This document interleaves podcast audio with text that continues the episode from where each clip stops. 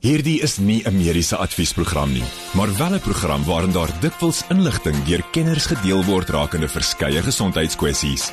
Vir persoonlike raad of advies, raadpleeg jou mediese dokter of sielkundige. Groot trauma op Groot FM 90.5. Baie welkom ek is Pieter Kloete saam met dokter Jaco van die kerk soos altyd en hy is die direkteur van Trauma 24 die die, die trauma eenheid by Montana Hospitaal en dan ook sy praktyk in Montana. Jaco lekker dat jy hier is.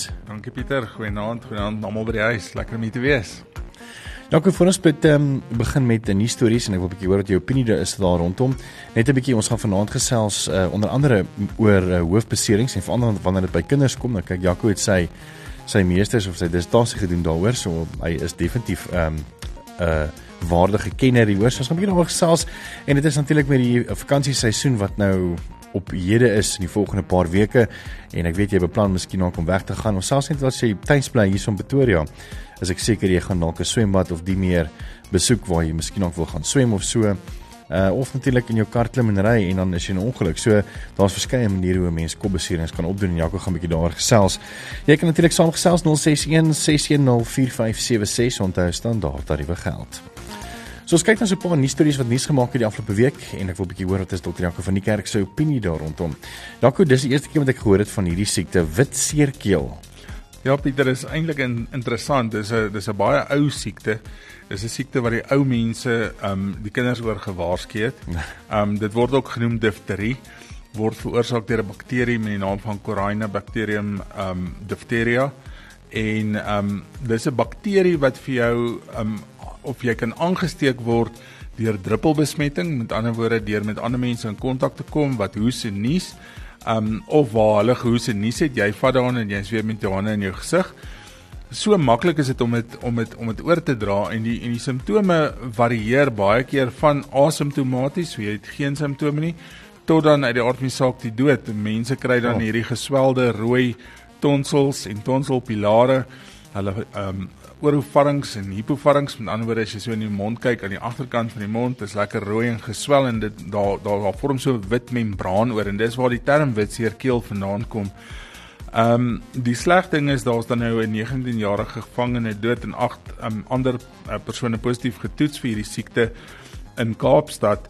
Ehm um, alhoewel die departement van korrektiewe dienste sê die uitbreking van witseerkeel is dan nou onder beheer. Ehm um, dis 'n dis 'n krisis want dis weer een van daai ou siektes wat ons sien terugkom. Ehm um, die die die groot ding is witseerkeel kom min voor en ons sien dit baie min en baie keer in die beginfases gaan mens gaan die standaard dokter dit waarskynlik mis want mense dink nie eers daaraan nie omdat daar inentings beskikbaar is maar daar's obviously sien ons die laaste ruk 'n laer koers van inenting onder volwassenes en kinders en kinders wat dan nie hulle inentingskedules voltooi nie. Ehm um, so die die herlewing van die siekte is eintlik maar 'n gegewe, net soos wat al die ander siektes gaan terugkom, soos wat ons een vir een maar sien terugkom.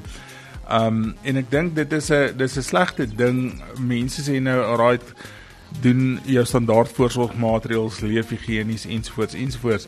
Maar aan die einde van die dag staan nou 'n persoon dood en da, dit kan 'n groot krisis word as dit 'n uitbraak word. Ehm um, wat wat onnodig is deur net te immuniseer. Jy weet, dis 'n dis 'n horing ou siekte. Ek dink is ouer as ek en jy saam sure. en nog dalk 'n bietjie. en ehm um, dit dit is 'n lewensbedreigende siekte en klomp klein kindertjies is dood in die vroeë 1900s as gevolg van witseerkeel. Dis hoekom die ouer mense so bang was vir witseerkeel. En ehm um, nou sien ons dit is weer weer 'n ding wat kop uitsteek en dis dis nogal kommerwekkend. Ek wag vir daai dag wat ons hoor um die die virale goeters soos polio ensovoorts kom ook weer terug want dit is dis da, ek dink dit sal een van die grootste disasters wees na Covid. Mm. Mm. Ja, net vinnig ek sien hulle ook dat um 'n mens kon ingeënt word daarvoor. Was hierdie inenting vir witseer witseerkeel ook deel van ons inenting as kinders? Dit, dit was deel van die inenting as kinders okay. en uh, mens kan selfs dan as volwassenes ingeënt word nou. So. Okay, dis goeie nuus. Nou kan dan gebruikte spuitnaalde um, is nog steeds eh, 'n uh, groot probleem en ek sien mediese leers in veld in Johannesburg gevind. Dit is kommerwekkend. Dis baie kommerwekkend en ek sukkel om te dink dat dit 'n privaat praktyk of 'n privaat instelling is wat hulle mediese leers sal gaan um, afgooi in 'n in 'n in 'n veld dit in die Ormonde area in die suide van Johannesburg um, plaasvind wat dan die departement van gesondheid in kennis gestel is dat daar mediese afval in die veld is wat dan nou um spuitnaalde en um, mediese leers uit die aard van die saak uh, uh, insluit. Um hulle weet nog nie waar hierdie goed vandaan kom nie.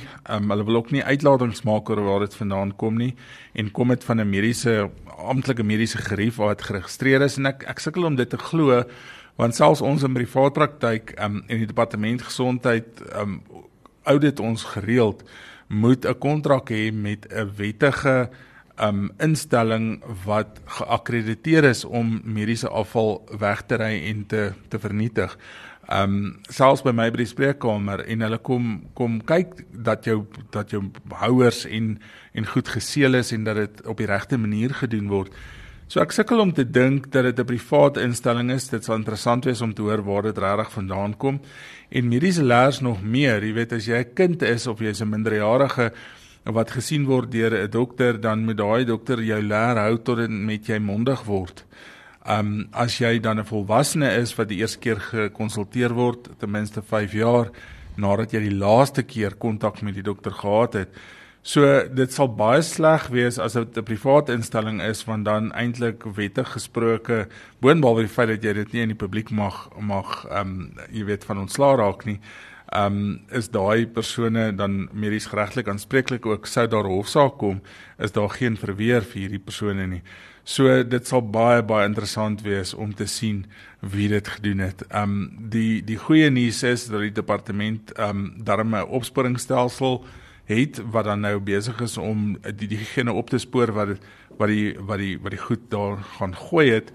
Ehm um, maar hulle is besig dan ook om maatreëls in te stel om op 'n verantwoordelike wyse hierdie hierdie afval te verwyder.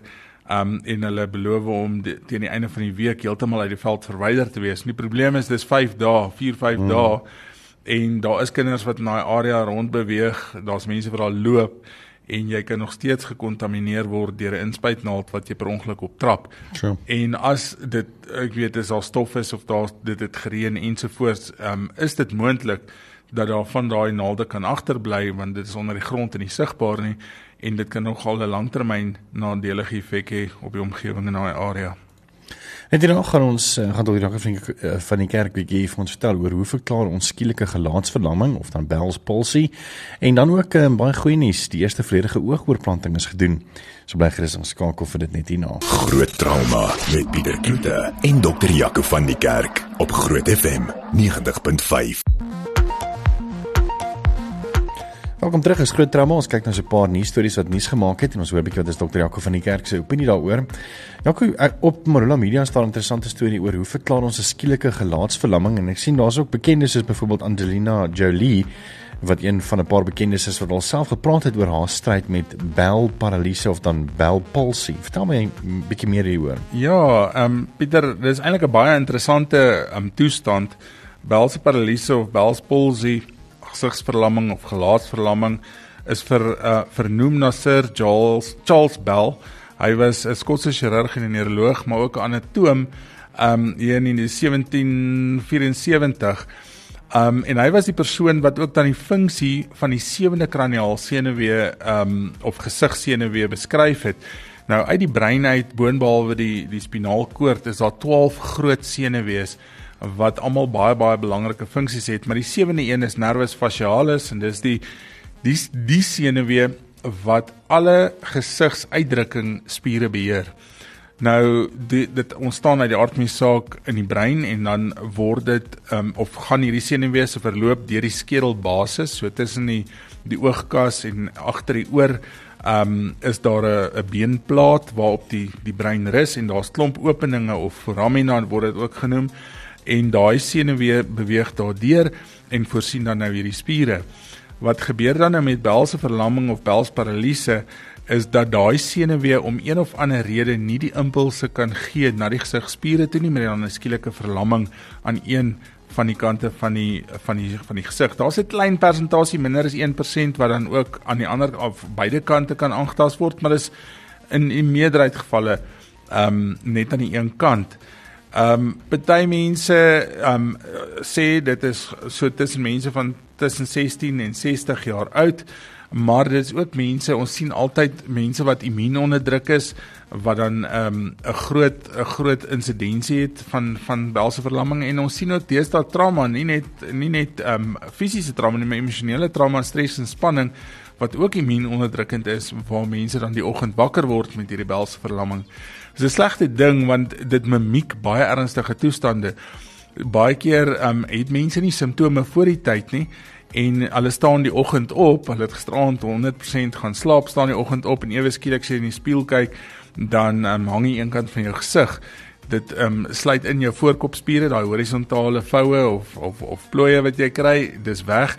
Jou oog sukkel om toe te maak ehm um, jou mond toe hang jy sukkel baie keer om jou jou jou spoeg letterlik in jou mond te hou ehm um, en jou visie kan aangetast word so dit mimiek baie keer maar 'n beroerte hmm. en dit mimiek ook 'n party breingewasse en dan party breinbloedings so mens moet eintlik hierdie toestande gaan uitskakel die oomblik wat jy hierdie hierdie um simptome het. Ons onderskei om dit net moeilik te maak tussen boonste en onderste motorneuronletsels. Met ander woorde, is dit van die is dit die brein tot op die vlak waar daai senuwee uit die brein uitkom of is dit net daai laaste gedeelte van die senuwee?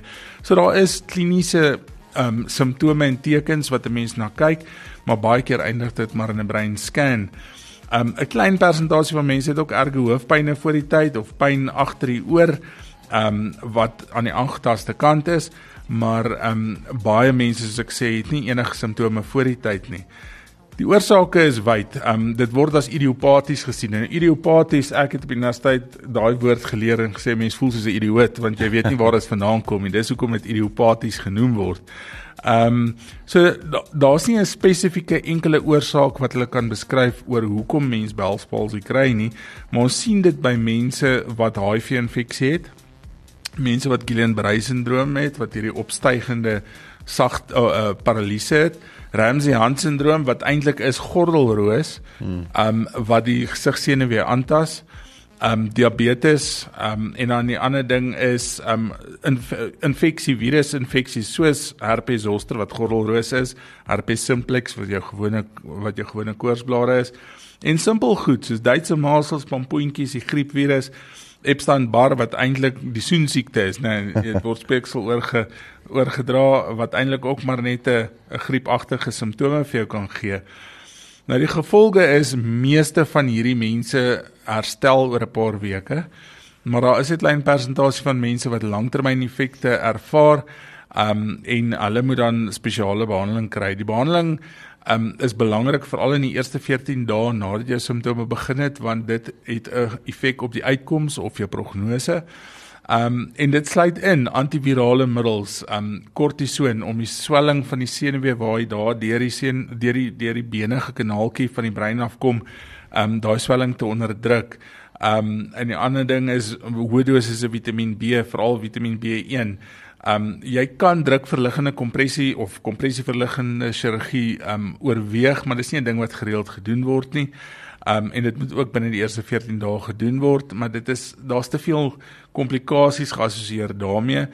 Botox inspuitings kan gebruik word um om onwillekeurige gesigs uh spiere en samentrekkings um wat met die geaffekteerde kant um geassosieer kan word um te verbeter. En dan is dit belangrik om oogdruppels, eh, bevochtigende oogdruppels te gebruik want baie van hierdie persone kan nie hulle oog volledig toemaak nie, oog word droog, jy kry korneale skade en dit kan permanente visie inkorting vir jou veroorsaak. Fisioterapeute, dit is eintlik 'n multidissiplinêre span benadering, um wat dan nou almal bydra tot die tot die herstel van hierdie hierdie siekte. Um daar is nie dit is nie so algemeen as wat meeste mense dink nie. Dis so 'n trend so tussen 10 en 40 gevalle afhangend van waar jy in die wêreld is per 100 000 um mense wat dan nou wêreldwyd voorkom, maar die meeste van die mense doen doen baie goed. Um hulle sê dan ook daar 25% van gevalle kom herstel volledig voor oor 'n tydperk van weke en dan uit die aard van die saak um, moet die res dan net hierdie spesiale behandeling kry. Maar dis nie 'n lewensbedreigende toestand nie, maar dis 'n baie emosioneel ehm um, uitmargelende toestand. En om af te sluit met ons nuus stories, ehm um, ongelooflike goeie nuus. Ek dink hierdie is regtig baanbrekers werk.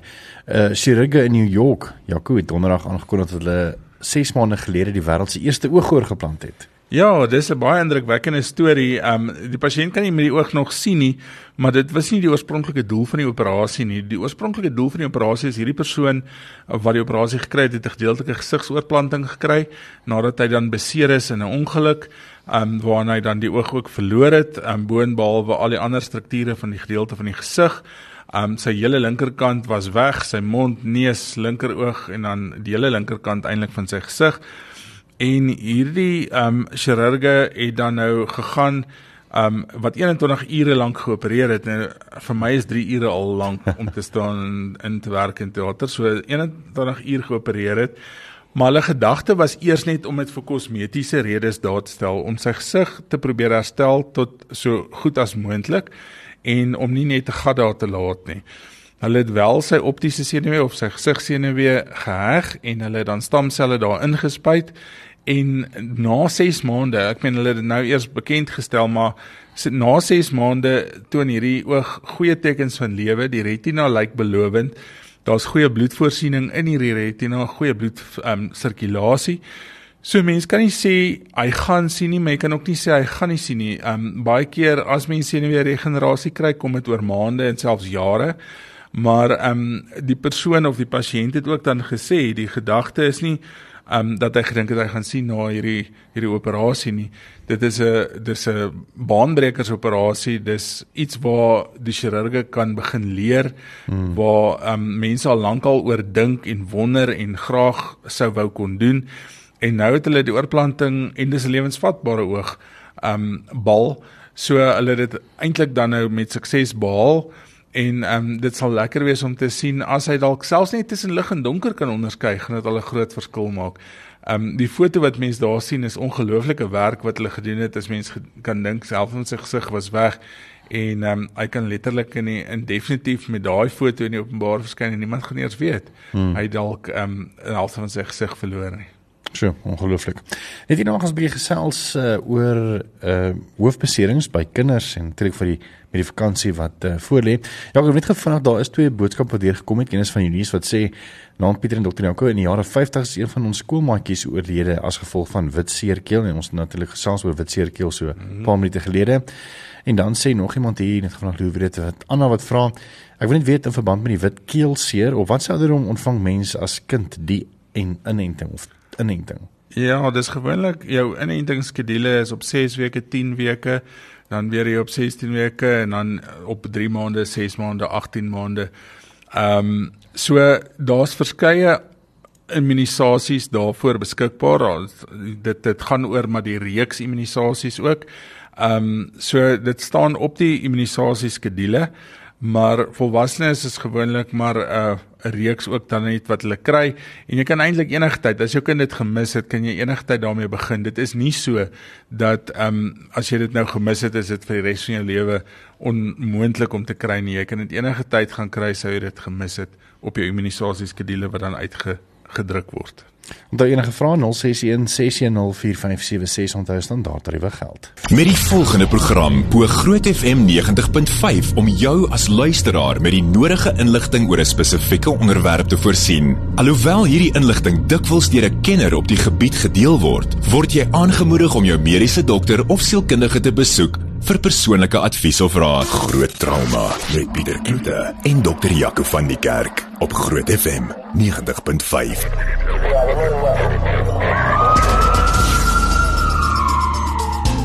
Dis 'n 35 minute weg van 10 of 9 uur af en uh, dis groot trauma. Ek is Pieter Kloete saam met dokter Jaco van die Kerk. En ons gaan gesels 'n bietjie oor oor hoofbeserings en ek dink daar's nog een ding wat uh, Jaco ook vir hom gesê het, dis 'n uh, klein petty peeve van hom is is uh die feit dat mense rondry en dan sien mense ouers wat nie hulle kinders vasgesp nie. Ehm um, Jaco en ons het nou 'n nuwe veldtog om vir mense al gaan nie net sommer byvoorbeeld gou vinnig winkel toe. Ja Pieter, ek dink ehm um, hoofbeserings en en hoofbeserings in kinders is is eintlik een van my groot passies dink ek. Um, ek het baie tyd spandeer al in in die navorsing van van hoofbeserings in kinders En ek dink regtig waar dis 'n belangrike deel van van ons bedryf in terme van trauma wat wat eintlik baie meer aandag kort. As mens gaan kyk net statistiek gewys, um, 40% van of ek wil amper sê meer as 40% um meer sterftes kom voor as gevolg van besering as wat HIV, TB en malaria saam veroorsaak in kinders.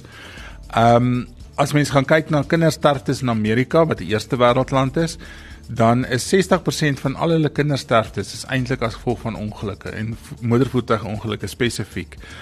As mens gaan kyk in 'n in 'n derde wêreldland soos ons, um is die statistiek ook baie duidelik dat 'n kind 8 keer meer waarskynlik in ons land sal doodgaan as byvoorbeeld in vergelyking met die met die met met Brittanje en 10 keer meer um hoë risiko as wat 'n kind in Switserland het. En dit is dis regtig indrukwekkend. So die hoof van neurochirurgie of pediatriese neurochirurgie by die die Rooikruis Memorial Hospitaal in Kaapstad saam met um die Universiteit van Kaapstad het dan nou 'n uh, hele um veldtog van van stapel gestuur um met die lese be quick to click. Um die die groot ding is ek dink die enigste manier om mense hierdie sterftes kan verminder is maar om mense die simpel goed in die lewe te leer. 'n Simpel ding so sit net jou veiligheidsgordel aan. Um as mens gaan kyk, die statistieke is ook baie duidelik in veelvuldige studies wat tussen 40% en 50% van bestuurders en mense in die voorste sitplek se lewe kan gespaar word deur net die gebruik van 'n veiligheidsgordel en 25% van agtersitplek um passasiers. Um en dis dis die wêreldgesondheidsorganisasie is nie Suid-Afrikaanse statistiek nie, is reg oor die wêreld um en dis 'n gegewe. Die die groot ding is ons het gesien in die COVID pandemie dat traumatiese hoofbeserings of breinbeserings baie afgeneem het. Dit is omdat mense gedwing is om by die huis te bly. Maar sedert die die COVID pandemie verby is, het um dit weer die hoogte ingeskiet tot so 'n mate dat ook weer eens by die Rooikruis Hospitaal in Kaapstad is 80% van hulle kinders wat erge hoofbeserings gekry het is as gevolg van motorvoertuigongelukke en 96% van daai kinders het nie 'n veiligheidsgordel gedra nie. En dit is regtig waar 'n slegte ding, jy weet, um, ons het in in in COVID het, is mense beboet en gearresteer oor dat hulle op die strand geloop het, maar dit bly 'n Suid-Afrikaanse regulasie um dat en en en eintlik 'n wet dat alle um volwassenes veiligheidsgordels moet dra en uh, die bestuurder moet dan nou toesien dat kinders tussen 14 of tussen 3 en 14 'n uh, kinder restraint gebruik en dan uh, kinders onder 3 moet dan in 'n uh, 'n baba stoeltjie wees of 'n kinderstoeltjie wees. Um indien nie is jy eintlik dan nalatig en as daar dan iets gebeur kan jy eintlik dan nou um meer of of geregtelik aanspreeklik wees hiervoor. Um hulle sê dan ook daar dat daar's 'n Afrika saying wat sê a village raise a child. It takes a village to raise a child en dit is presies dit. Um dit moet ons almal se verantwoordelikheid wees om te kyk na die mense om ons, om te kyk na die na die kinders om ons en om hulle te beskerm en om simpel goed te doen soos letterlik net die veiligheidsgordel kan 'n groot klomp van ongelukke wat selfs nou in hierdie vakansietyd gaan gebeur um laat eindig in 'n in 'n in 'n beter storie eerder as as die dood van 'n kind. Jy weet, dit is regtig waar sleg en 'n en 'n traumatiese breinbesering is is is bly 'n slegte ding. Al oorleef jy dit. Um dink ek die groot krisis is dat 'n mens langtermyn effek het. Jy gaan jy gaan waarskynlik geheueprobleme hê, jy gaan leerprobleme hê, jy gaan jy gaan emosionele probleme hê, jy gaan jy gaan persoonlikheidsprobleme hê en ehm um, dit dit het invloed vir die res van tyd op daai persone en die mense om hulle en 'n simpel ding wat niemand geld kos nie kan 'n verskil maak vir die kinders. Hmm. So vertel my 'n bietjie hoe voel jy hoor as jy nou in die verkeer sit en uh, jy ry en jy sien nou persone wat nou letterlik hulle kinders op hulle skoot het voor en dan partykeer ek meen ek het nog gesien dit is nie sommer partykeer net een nie. Dis sommer drie kinders voor op ma se skoot. Ehm um, hoe voel jy oor 061 6104576 Jy onthou standaard tariewe geld. Groot trauma op Groot FM 90.5.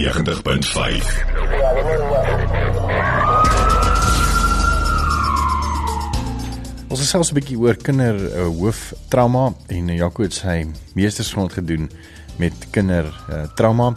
Ja, met die vakansie wat nou voor lê, weet is baie mense op pad seker ons nou 'n bietjie gepraat oor ehm um, die veldtog van uh, van klik te uh, klik big quick big big quick te klik.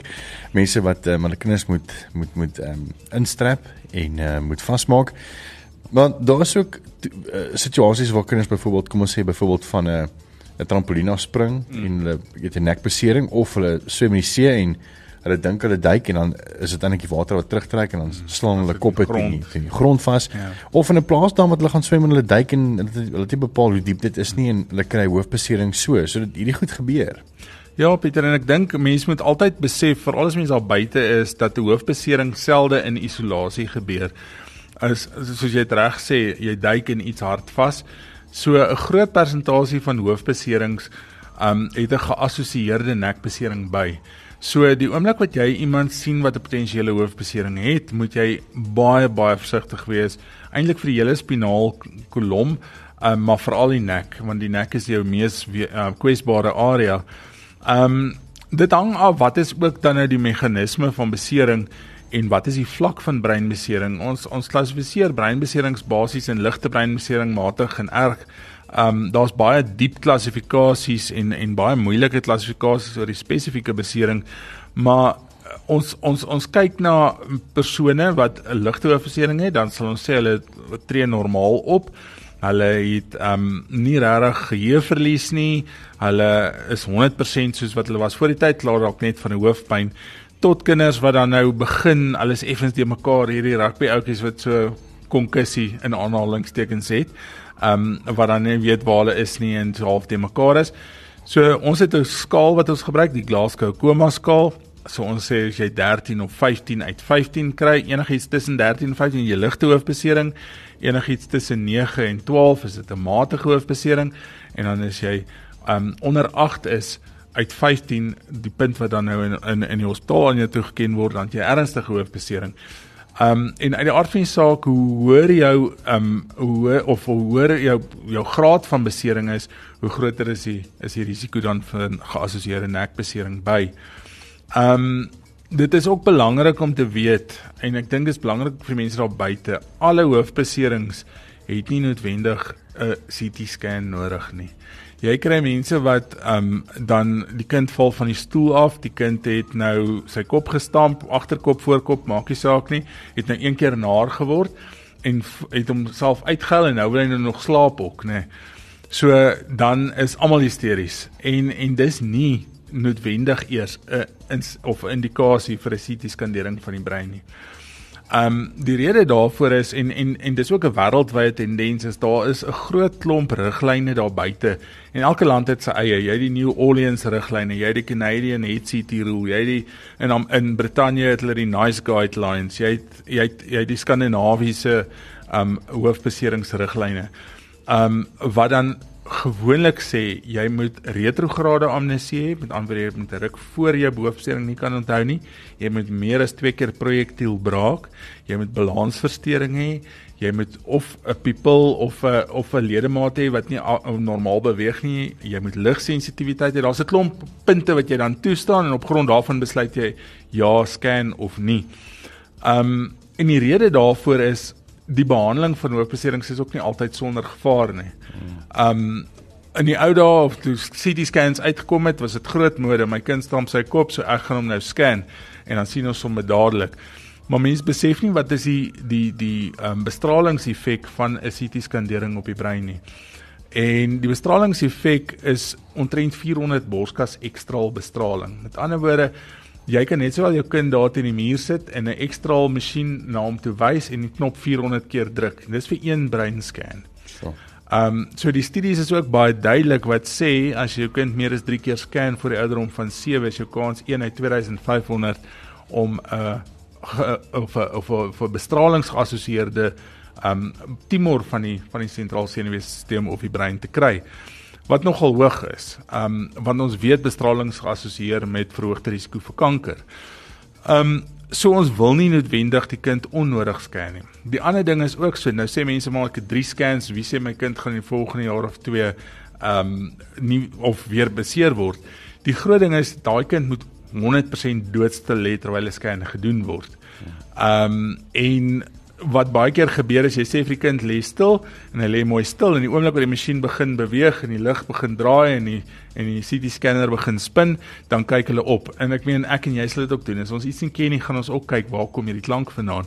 En dis net dan wanneer die bed begin beweeg en die radiografis is te bang om vir die radioloog te sê hulle het 'n gemors gemaak van die scan soos hy reverse die bed en sy scan weer. Daar het jy klaar twee scans gehad dan kom die insidensie nou weer van postkonkussie sindroom ook. Met ander woorde jou kind het sy kop gestamp en alles is perfek en jou eerste scan is normaal, maar nou op dag 3 of 4 begin daai kind braak en begin neurologiese tekens kry en begin agteruit gaan. Nou kom jy terug by die hospitaal en sê my kind nie reg nie, wat is nou fout? Nou gaan die dokter dink, is daar nie dalk 'n vertraagde bloeding wat later kan gebeur en dit is dis moontlik. Subdurale bloedings kan daar na die tyd begin. En dan gaan jy jou kind weer scan en dan het jy maar een episode jou 3 scans gehad. Ehm um, so dit is nie sonder enige gevaar nie. Hulle het in Amerika groot studie gedoen wat hulle die kinders ehm um, wat hoofbeserings gehad het ge, met minor hoofbeserings het hulle ehm, 'n um, groep gevat wat hulle glad nie ingelig het nie en net die dokter het die kind ondersoek en gesê of huis toe of scan en hulle het 'n groep gekies wat hulle 'n uh, suster gekry het wat opgelei is in uh, die die opvoeding van mense ten opsigte van CT scan en hoofbesering en daar was 'n 50% afname en die hoeveelheid ouers wat hulle kinders gescan wou hê. Wow. Die ander ding is ook so, alle kinders uh, wat hoofbeserings kry, het nie noodwendig iets wat jy iets aan hoef te doen nie. Die wêreldstatistiek sê 90% van alle hoofbeserings daar buite um sal 'n normale CT scan hê. 10% van daai scans gaan dan uit die aard van die saak abnormaal wees, maar daar's net 1% van daai um CT scans, 1 van 1% van daai 10% wat neurochirurgiese intervensie nodig het.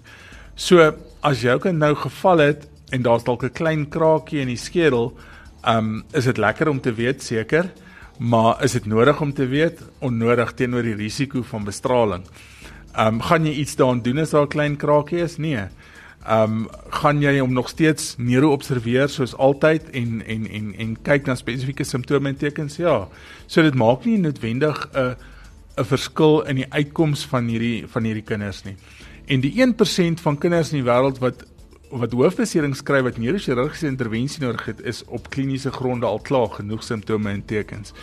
So mense met wegbeweeg dink ek van die van die ding af ek moet 'n CT scan kry as my kind 'n kopbesering gekry het.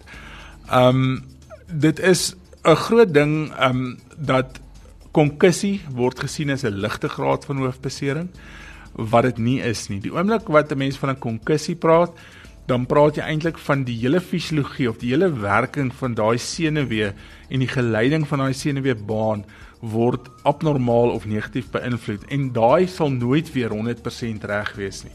Dis ook 'n interessante feit dat hulle 'n groot studie gedoen het op muise in Amerika. Ons het natuurlik nie funksionele MRI's in ons land nie, maar daar is geld nie 'n opsie nie, so hulle het funksionele MRI's. So hulle het muise gevat en dan hoofbeserings toegedien um die die die die diere liefhebbers vir my nou nie dood dood ry buite nie maar hoofbeserings toegedien 'n MRI van die van die brein gedoen en die abnormale funksie van die brein gesien en daai meise opgevolg en hulle funksie het nooit in hulle hele lewenstyd herstel tot voor die op dieselfde vlak voor die besering nie. So 'n mens moet probeer om jou kind alle tye beskerm en dis hoekom daai daai veld tog so belangrik is. Um dat jy eintlik voorkom eerder as om te behandel. Ehm um, en en en ek dink dis die belangrike ding daarby te probeer eerder die ding voorkom as wat jy dit behandel, maar as jou kind 'n hoofbesering kry, hou hom so stil as moontlik. As hy wil slaap, laat hom slaap. Inteendeel, die mense wat by ons aankom wat hoofbeserings het wat noemenswaardig is, is gewoonlik gedisoriënteerd en partykeer selfs aggressief. So. En ons maak hulle aan die slaap um, om hulle brein dan te beskerm. So moenie jou kind wakker probeer hou nie. Ehm um, dis dis baie belangrik en een of twee keer se se braaking is normaal. Hou net sy nek stil totdat hy mooi klinies evalueer is. Ja, dan is dit tyd vir vra vir Jaco. Ehm um, ek sien daar's 'n paar vrae wat hier gekom het. Kom ons begin sommer by hierdie. Ons het vroeër vanaand bietjie ges ehm um, gesels oor uh oor wit keelseer en ons nog een vraag hier oor gewees. Wat vra kan 'n mens wit seerkeel kry as jou mangels reeds verwyder is? Ja, ek dink die antwoord is maklik. Dit is jy jy kan dit nog steeds kry. Dis 'n respiratoriese gedraagde bakterie. So jy kan nog steeds die sagte weefselstrukture tussen jou mangelpilare en die die varings of die die die gedeelte agter in jou mond en in jou keel, jy kan nog steeds daar kry. Jy het nie mangels nodig om um difterie te kan kry nie. Dan ons laaste vraag is van Marita Stein. Ons praat nou so oor hoofbeserings en ook hoekom dit belangrik is om jou kinders vas te gespe met ehm um, as jy in 'n voertuig is. Sy vra as jy 'n autistiese kind het wat nie vasgegordel wil wees nie, wat doen ek? Dis 'n ongelooflike goeie vraag en ek dink dit is 'n baie moeilike moeilike vraag en antwoord. Ehm um, want ons weet almal die autistiese kinders is baie keer hierdie entevrees en wil nie vasgegespe word nie. Daar's baie tegnieke wat mens kan probeer. Ek dink nie mense met 'n kind gaan vasdruk agter in 'n in 'n kar en en en gaan vasbind nie. Ehm um, geleidelike desensitisasie is 'n proses wat baie keer deur die arbeidsterapeute en die die die psigiaters gebruik word en die en die terapeute om kinders bloot te stel aan sekere goed in die omgewing, veral autistiese kinders, en om hulle geleidelik daaraan bloot te stel sodat hulle gewoond raak stap vir stap. So jy sal die kind op die op die agtersitplek sit byvoorbeeld en gaan om die blok ry. Volgende week gaan jy die kind op die sitplek sit en jy gaan begin om die om die gordel af te trek, maar jy gaan hom nie vasbind daarmee nie. Hy moet self kan voel daai ding gaan hom nie beseer nie en hy moet self ook kan voel hy kan homself losmaak. So daar's daar's baie tegnieke. Ek dink dis 'n ding wat wat langtermyn ehm um, terapie nodig het. Ehm um, soos alles dink ek met outisme ook en en die en die dames sal weet ehm um, die arbeidsterapeute en die psigiaters en die, en en al die terapeute wat betrokke is ehm um, werk nogal baie intens met drie kinders om hulle gewoond te maak aan aan alledaagse lewe um, situasies waarna hulle kan kom en om gewoond raak daaraan en ek dink hierdie geleidelike desensitisasie proses is 'n goeie alternatief om hierdie kind gewoond te maak om vasgegordel te wees. Dis dit vir groot drama vanaand. Jaco, weer eens baie dankie vir jou tyd. En uh, kan jy glo ons nog net vier groot dramas oor vir die jaar wat voor lê. dankie Pieter, dit was lekker. Ja, nee, die jaar vlieg. Ons is volgende week weer terug tussen 8 en 9. Groot trauma met Pieter Kloete en dokter Jaco van die Kerk op Groot FM 90.5.